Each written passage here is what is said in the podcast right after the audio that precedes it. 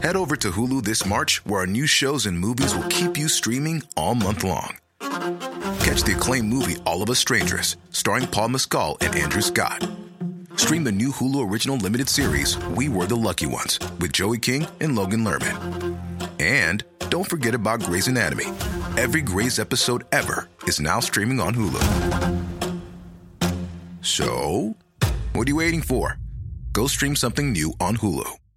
Hey, I'm Ryan Reynolds. Recently, I asked Mint Mobile's legal team if big wireless companies are allowed to raise prices due to inflation. They said yes. And then when I asked if raising prices technically violates those onerous two year contracts, they said, What the f are you talking about, you insane Hollywood ass? So to recap, we're cutting the price of Mint Unlimited from $30 a month to just $15 a month. Give it a try at mintmobile.com slash switch. $45 upfront for three months plus taxes and fees. Promo rate for new customers for limited time. Unlimited more than 40 gigabytes per month. Slows. Full terms at mintmobile.com. Hey, I'm Ryan Reynolds. Recently, I asked Mint Mobile's legal team if big wireless companies are allowed to raise prices due to inflation. They said yes. And then when I asked if raising prices technically violates those onerous two year contracts, they said, What the f are you talking about, you insane Hollywood ass? So to recap, we're cutting the price of Mint Unlimited from $30 a month to just $15 a month. Give it a try at mintmobile.com slash switch. $45 upfront for three months plus taxes and fees. Promo rate for new customers for limited time. Unlimited more than 40 gigabytes per month. Slows. Full terms at mintmobile.com. Hej och välkomna till ytterligare en torsdag och ett avsnitt med oss på Rysarstunden. Det är jag som är Linda. Och det är jag som är Alexandra.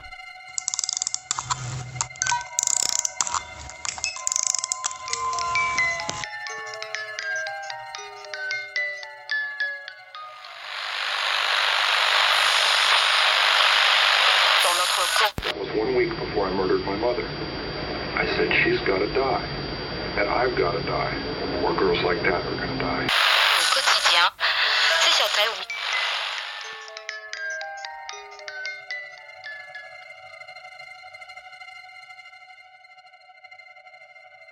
Dagens ämne, alltså det behöver ju ingen närmare förklaring eller introduktion. Nej, det För- behöver det faktiskt inte. Nej, vi ska ju ja, men kort och gott berätta fyra stycken rysliga historier. Jajamän, och den första historien som vi tänker berätta, den heter Trötta ögon.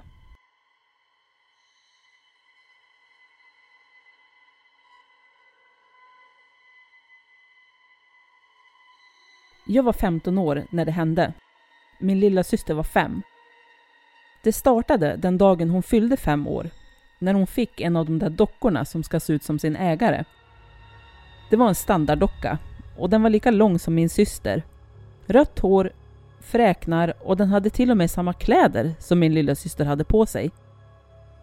Det enda som var konstigt med dockan var ögonen. Min syster hade väldigt annorlunda ögon blåa med bruna prickar nära pupillen. Jag brukade reta henne och säga att de såg ut som en toalett med bajs i. Jag hade aldrig sett någon annan människa med sådana ögon. Men dockan matchade dem perfekt. Jag tänkte att vem som än hade gjort dockan måste ha lagt ner mycket tid på att måla ögonen exakt likadana som min systers. Efter att min syster hade öppnat alla presenter så började hon och hennes vänner springa runt och leka. De klädde ut sig och gjorde helt vanliga saker som barn gör. Jag ville inte bli kvar och bli någon barnvakt, så jag smög in på mitt rum och stängde dörren efter mig. Jag var djupt försjunken i en spökhistoria när jag hörde att dörren öppnades med ett gnekande ljud. Naturligtvis, kanske på grund av vad jag läste, blev jag rädd och vände mig snabbt om. Där, i dörrspringan som öppnats, satt dockan min syster hade fått. Hade det inte varit ett gäng ungar hemma hade jag nog blivit rädd, men jag var säker på att någon av dem, eller alla, försökte spela mig ett spratt. Jag band ner dockan igen och det var det sista jag hade med dockan att göra på ett par månader. Min syster bar dock med sig den precis överallt. Efter två månader började konstiga saker att hända. Min syster kom nedspringandes ut för trappan en dag, skrikandes att hennes docka var elak mot henne. Jag visste ju att det var hennes fantasi som spökade, men då jag inte ville såra henne så gav jag dockan en utskällning så att min syster såg och hörde. Sedan lyfte jag upp dockan och placerade den längst upp i min systers garderob. Syrran verkade nöjd över att rättvisa hade skipats och jag var lite glad över att slippa se den där dockan släppas runt överallt. Det var lite otäckt hur lik dockan var min syster. Jag tänkte på det de gånger jag sett henne sova med dockan och jag frågade mig själv om jag ens såg skillnad på dem i mörkret. Men det hade inte med saken att göra. För utan mamma eller pappas hjälp så skulle dockan förbli instängd i garderoben. För jag skulle då inte plocka ner den igen. Senare samma natt hörde jag min syster skrika. Jag sprang in i hennes rum och såg dockan vid fotänden av hennes säng. Den lutade sig inte mot något eller så. Den stod bara där, stirrandes, på min syster. Jag slet tag i dockan och sprang ner med den. Mina föräldrar kom ut från sitt sovrum och frågade mig vad som stod på. Jag stannade inte för att förklara. Jag tryckte ner dockan i soptunnan. De blåbruna ögonen stirrade upp på mig, nästan på ett ilsket sätt. När jag kom in i huset igen hade min syster somnat om igen. Mina föräldrar hade lugnat ner henne. Jag var glad över att det var över. Åtminstone trodde jag att det var det. Nästa morgon när jag gnuggade sömnen ur mina ögon såg jag min syster stå i dörröppningen in till mitt rum. Jag blinkade och försökte få bort sömnen ur mina ögon och när jag öppnade ögonen igen var hon borta. Jag gick in i hennes rum bara för att hitta henne sovandes i sin säng. Konstigt. Jag måste ha inbillat mig, tänkte jag. Men senare på kvällen så hände samma sak igen. Jag väcktes av fotsteg och såg vad jag trodde var min syster ståendes alldeles utanför min dörr. Jag sträckte mig efter lysknappen, men när lampan tändes var ingen där. Jag gick återigen in till min systers sovrum för att hitta henne sovandes i sin säng. Soptunnan hade inte blivit tömd ännu, så jag bestämde mig för att jag skulle kolla i den nästa morgon. Kanske var det pappa som försökte lura mig. Nästa morgon, precis som jag trodde, så var soptunnan tom. Under frukosten så konfronterade jag min pappa. Pappa, placerade du Agnes docka utanför mitt rum igår kväll eller i morse? Frågade jag. Va? Var inte dum. Den dockan ligger ju i soptunnan där du la den, svarade han. Nej, den är inte kvar där. Jag kollade. Men kanske något barn såg det och ville ha dockan. Hur skulle jag kunna veta var den jävla dockan tog vägen? Och det var slutet på den diskussionen. Konstigt. Men jag ryckte på axlarna åt det. Gud vad jag ångrar att jag gjorde det. Den natten var min syster rädd. Så jag gick med på att stanna kvar i hennes rum.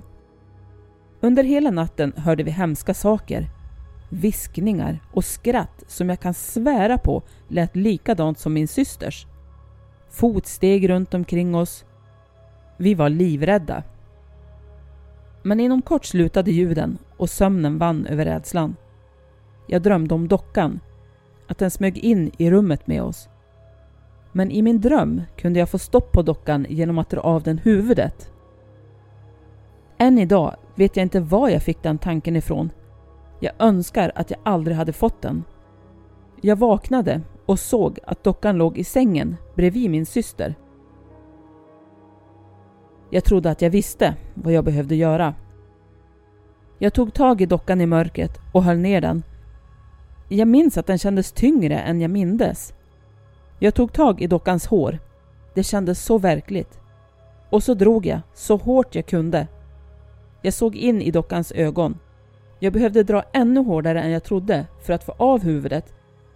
Och jag tyckte mig ana rädsla i ögonen på den. Till slut hörde jag ett rysligt ljud när huvudet slets av från kroppen. Jag log och då kände jag hur trött jag var. Jag la mig ner sparkade iväg huvudet och kroppen så att jag kunde fortsätta sova.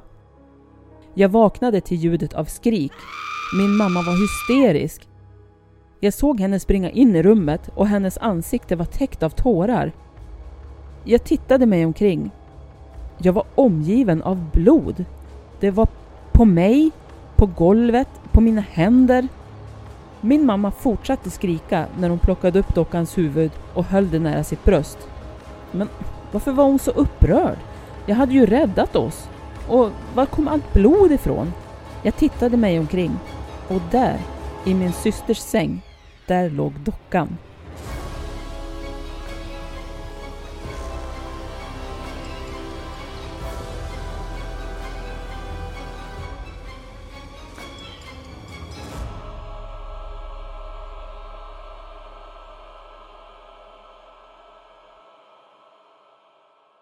Nästa historia som vi kommer läsa upp, den heter Statiskt brus.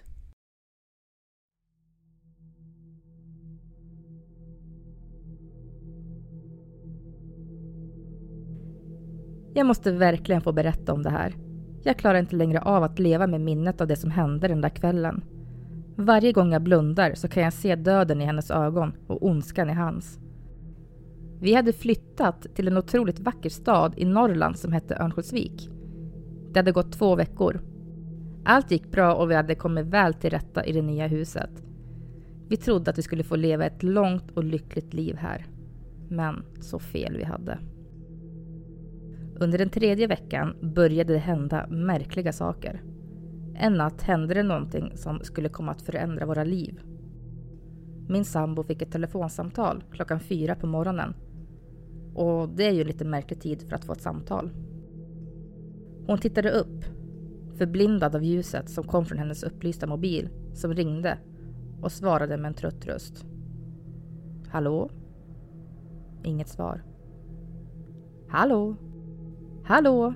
sa hon flera gånger till innan hon la på luren utan att ha fått något svar. Hon sa att hon endast kunde höra som ett svagt skrikande ljud i bakgrunden. Oroligt stängde hon av telefonen så att hon inte skulle få några mer samtal. Fem minuter efter att hennes telefon hade ringt så ringde det på min. Den här gången var det bara ett statiskt ljud som hördes och någon som skrattade i bakgrunden. Jag blev förbannad på vem den var som spelade oss detta spratt. Jag svor och sa åt dem att ge fan i att ringa fler gånger. Då slutade det statiska ljudet. Och i samma sekund hördes en hög smäll från vår ytterdörr. Både jag och min sambo hoppade till.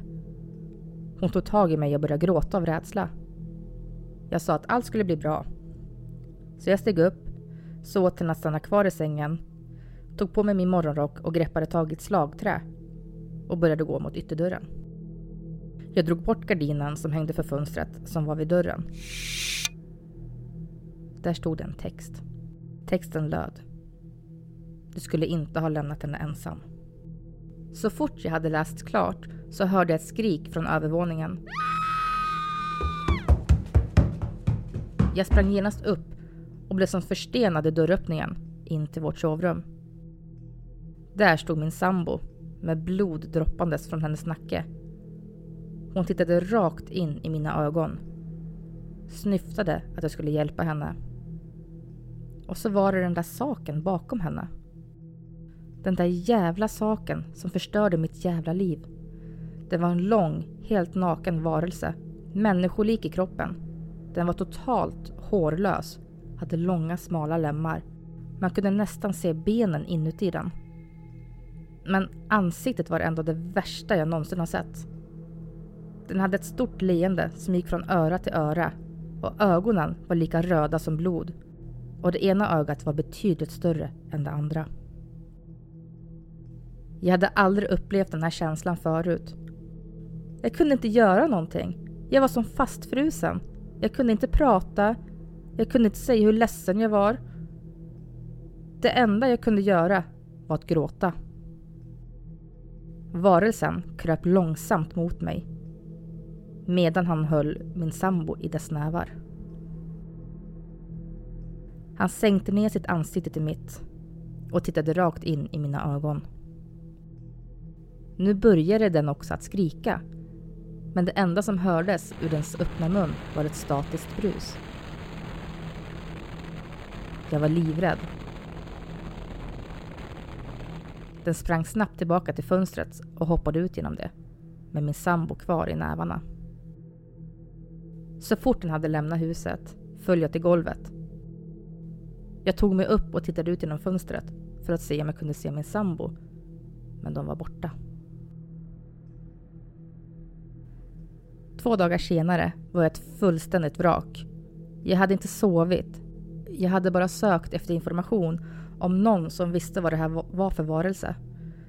Jag hade anmält min sambo försvunnen hos polisen som skulle leta efter henne. Ingen har hört talas om den här varelsen. En månad passerade och ingenting hände. Jag hade inte kunnat jobba, jag kunde inte sova, jag kunde knappt leva. Jag tog ett rakblad och satte det mot min handled. När blodet strömmade ut ur såret så kändes det som att all den smärta jag upplevt den senaste månaden rann ur mig. Jag tittade upp från handfatet och in i spegeln ovanför. Och där var han. Leende, precis som förra gången. Blod droppade från dess ögon när den höll upp min sambos avhuggna huvud. Än en gång skrek den det där statiska bruset. Och jag föll ihop på golvet. Jag kände att min kropp blev svagare och svagare medan jag blödde från såret i handleden. Jag var livrädd för att titta upp i spegeln. Men jag kände mig tvungen att göra det. Och när jag långsamt reste mig upp mötte min reflektion varelsen i spegeln. Jag tittade rakt in i hans ögon. Tittade där mina ögon skulle ha varit. Där min kropp skulle ha varit. Långsamt höjde jag min hand i min reflektion och jag såg mig själv hålla i min sambos huvud. Jag skrek till och tappade huvudet på golvet. Men mina skrik var bara ett statiskt brus. Blodet från min arm var nu tjockt och svart och jag förstod att det var nära slutet. Jag kände hur min kropp blev kallare och kallare. Inte kunde väl jag ha dödat min sambo? Nej, det kunde jag inte. Och sen vart allting svart. Jag vaknade upp i en sjukhussäng, förvirrad och med bandagerade handleder. Jag försökte röra mig i sängen, men det gick inte. Jag tittade ner på min kropp och såg att jag hade en vit tröja med remmar på. Och mina armar satt fast som ett kors över kroppen och de var sammanbundna bakom ryggen. Jag förstod inte vad det var frågan om och paniken sköljde över mig. Jag öppnade min mun och skrek, men det enda ljud som kom ut ur min mun var ett statiskt brus.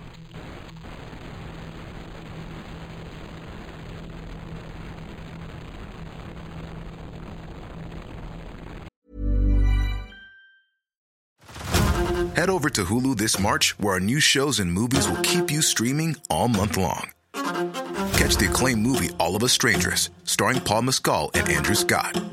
Stream the new Hulu original limited series We Were the Lucky Ones with Joey King and Logan Lerman. And don't forget about Grey's Anatomy. Every Grey's episode ever is now streaming on Hulu. So, what are you waiting for? Go stream something new on Hulu. Hey, I'm Ryan Reynolds. Recently, I asked Mint Mobile's legal team if big wireless companies are allowed to raise prices due to inflation. They said yes. And then when I asked if raising prices technically violates those onerous two year contracts, they said, What the f are you talking about, you insane Hollywood ass? So to recap, we're cutting the price of Mint Unlimited from $30 a month to just $15 a month. Give it a try at mintmobile.com slash switch. $45 upfront for three months plus taxes and fees. Promo rate for new customers for limited time. Unlimited more than 40 gigabytes per month. Slows. Full terms at mintmobile.com.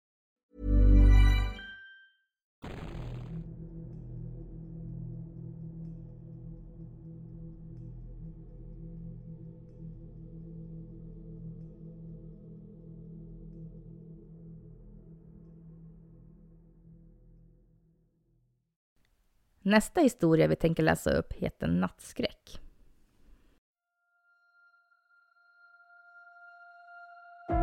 Min lilla syster Lilly lider av nattskräck. Nästan varje natt väcker hon alla i familjen när hon skriker rätt ut i full panik innan hon hoppar ur sin säng för att krypa ner i sängen med någon av oss andra. Antingen i min storebror Williams säng eller i min. Oftast min dock, eftersom jag delar rum med henne. Mamma säger att hon kommer växa ifrån det någon gång, men den senaste tiden har hon faktiskt börjat skrämma mig lite grann. Härom natten så vaknade Lilly än en gång av nattskräck. Hon satte sig än en gång rätt upp i sängen och skrek rätt ut så att jag rycktes ur min sömn. Med en gnyende röst sa hon. Det är någonting under min säng Nils. Jag kände att någonting rörde vid min fot. Och sedan kom hon och klättrade upp i min säng.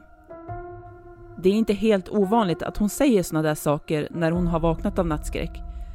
Men det hon sa nu gav mig kalla kårar som gick längs hela ryggraden. Någonting hade precis rört vid hennes fötter, tänkte jag för mig själv. Jag röst till, men försökte ändå ignorera den skrämmande känslan som kom krypandes över mig. Jag vände på mig i sängen och drog täcket över huvudet och hörde hur Lilly redan hade somnat om bredvid mig. Men hon snyftade ändå till då och då medan hon sov. Igår hittade William Lilly ståendes helt stilla i dörröppningen in till hans sovrum. Hon sov fortfarande, men hon hade en kniv som hängde löst i hennes lilla hand. Det är för att jag ska kunna skydda mig, mumlade hon när William försökte bända loss kniven från hennes hand. När William ledde henne tillbaka till vårt sovrum fortsatte hon mumla om alla monster som gömmer sig i vårt rum. Jag är rädd att det är någonting hemskt som håller på att hända med vår lilla syster. Och nu börjar det även hända mig. Jag vaknade plötsligt upp ur min djupa sömn och skrek någonting om min mardröm som jag inte kan komma ihåg. Men jag hade en hemsk känsla som spred sig i maggropen medan jag försökte komma till sans igen. Den skrämmande insikten gick äntligen upp för mig när jag upptäckte henne. Hon låg utsträckt i en pöl av blod mitt på golvet i våran hall. Lilly andades knappt längre. Hennes andetag rosslade när hon försökte hänga sig kvar i livet.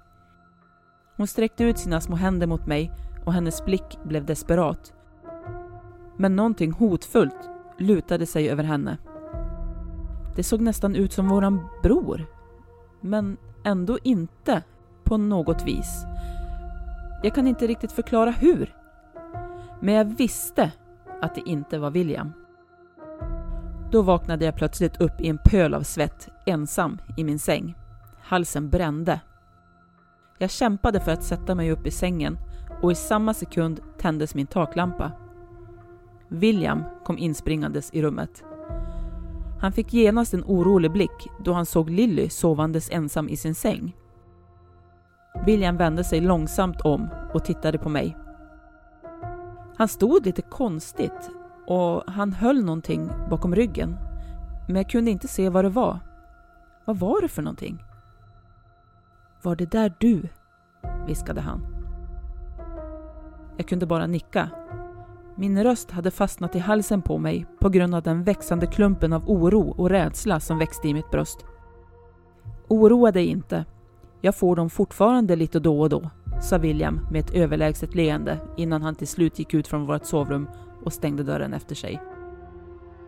Alldeles efter han hade gått ut från rummet så satte sig Lille tvärt upp i sin säng. Hon var likblek i ansiktet och vände sig långsamt mot mig. Hennes ögon var uppspärrade av skräck. Nils, gnällde hon. Och jag kunde se att hon skakade där hon satt och krampaktigt höll en hög med filtar tryckt mot sitt bröst. Jag kunde se skräcken i hennes ögon. Vad? viskade jag tillbaka. Jag kunde inte skaka av mig den sjunkande känslan av fruktan när jag såg hennes läppar forma orden. Det där var inte William.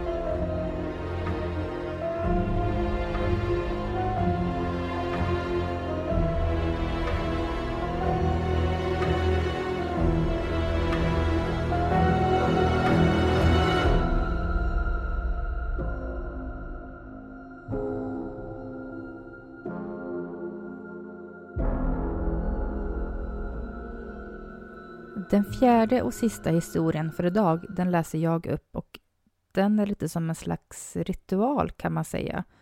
Och den heter Om du har mist en älskad.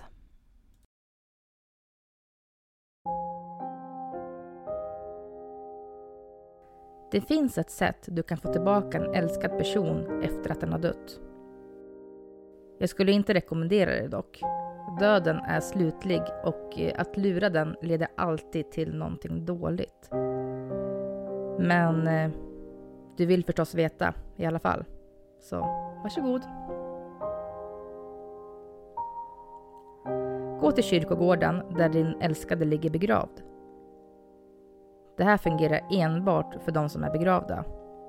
Det finns säkert en metod för de som blivit kremerade också, men eh, den kan jag inte. Se till så du har ditt livs viktigaste föremål med dig. Det emotionella bandet, eller de starka känslorna du har för det här objektet, är det som kommer ge dig kraft när du offrar det. Ta med föremålet till den plats där din älskade ligger begravd. Gräv sedan ner det.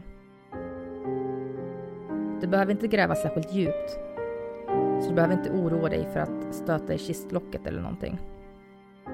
Men innan du gräver över föremålet behöver du droppa ner några droppar av ditt eget blod över det. Det här genomsyrar ritualen med din egen livsessens och det, det drar till sig dem. Sedan kommer det sista steget. Ta en liten näve med jord från där du begravde ditt föremål och svälj det. Det är vidrigt, men nödvändigt. Det skapar en länk mellan dig och dit du kommer att behöva gå.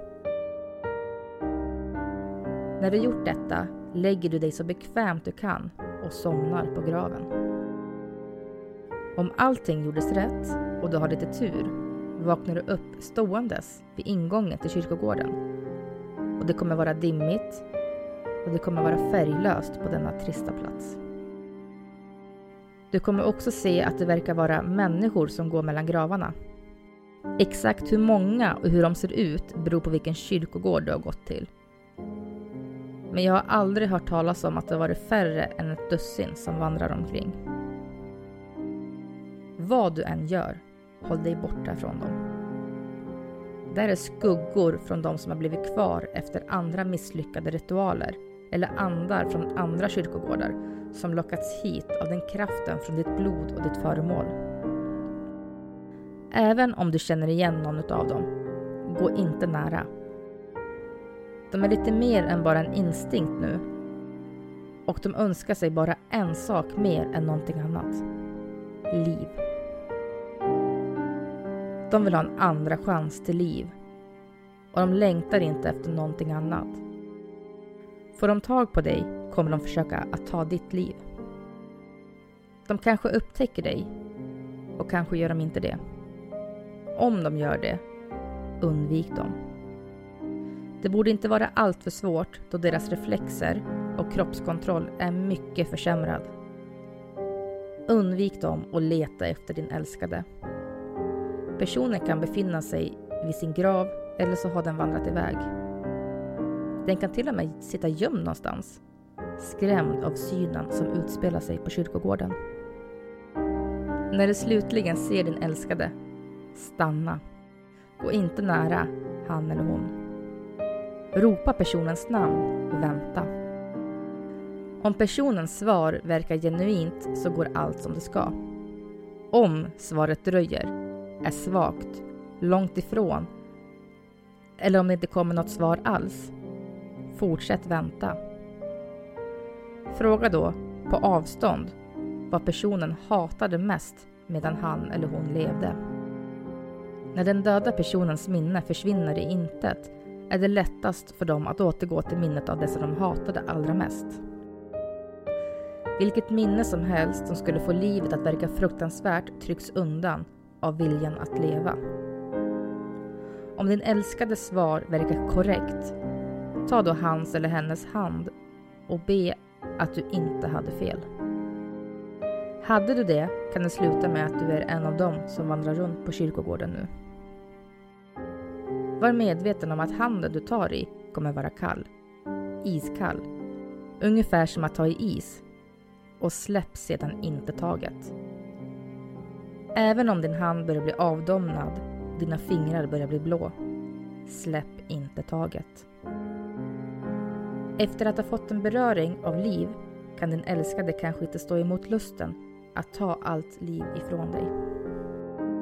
Ta med din älskade till ingången till kyrkogården. Undvik andra skuggor och skepnader. Fler av dem kanske upptäcker det nu då din levande hand är sammankopplad med deras rike via din älskade. Agera snabbt och bestämt och släpp inte taget om din älskades hand. Klarar du dig genom ingången kommer du tillbaka till den riktiga, levande världen med din älskade återuppstånden. För resten av världen kommer det verka som att din älskade bara gick på en lång semestertripp någonstans och nyss kom tillbaka. Ingen kommer komma ihåg vad de gjorde på kyrkogården den dagen din älskade begravdes. De kommer bara vara glada att se din älskade igen. Efter det här föreslår jag att du inte stannar på en och samma plats för länge. Flytta omkring. Ju mer spontana flyttar du gör, desto bättre. Så fort du ser att den sjukliga bleka färgen i din älskades ansikte börjar komma tillbaka eller om du upptäcker att ett område på din hud börjar förfalla, flytta. Döden hatar att bli lurad och om den hinner ifatt dig och din älskare kommer döden se till att både du och din älskade kommer att känna hur era kroppar sjukligt ruttnar tills din älskade återigen dör och återvänder till graven. Men den här gången kommer han eller hon inte att vara ensam. Du kommer att göra den sällskap. Kanske har du dock tur. Kanske gör någon annan den här resan åt dig. De tar din hand och drar dig tillbaka till de levande. Enbart så att allt kan upprepas än en gång.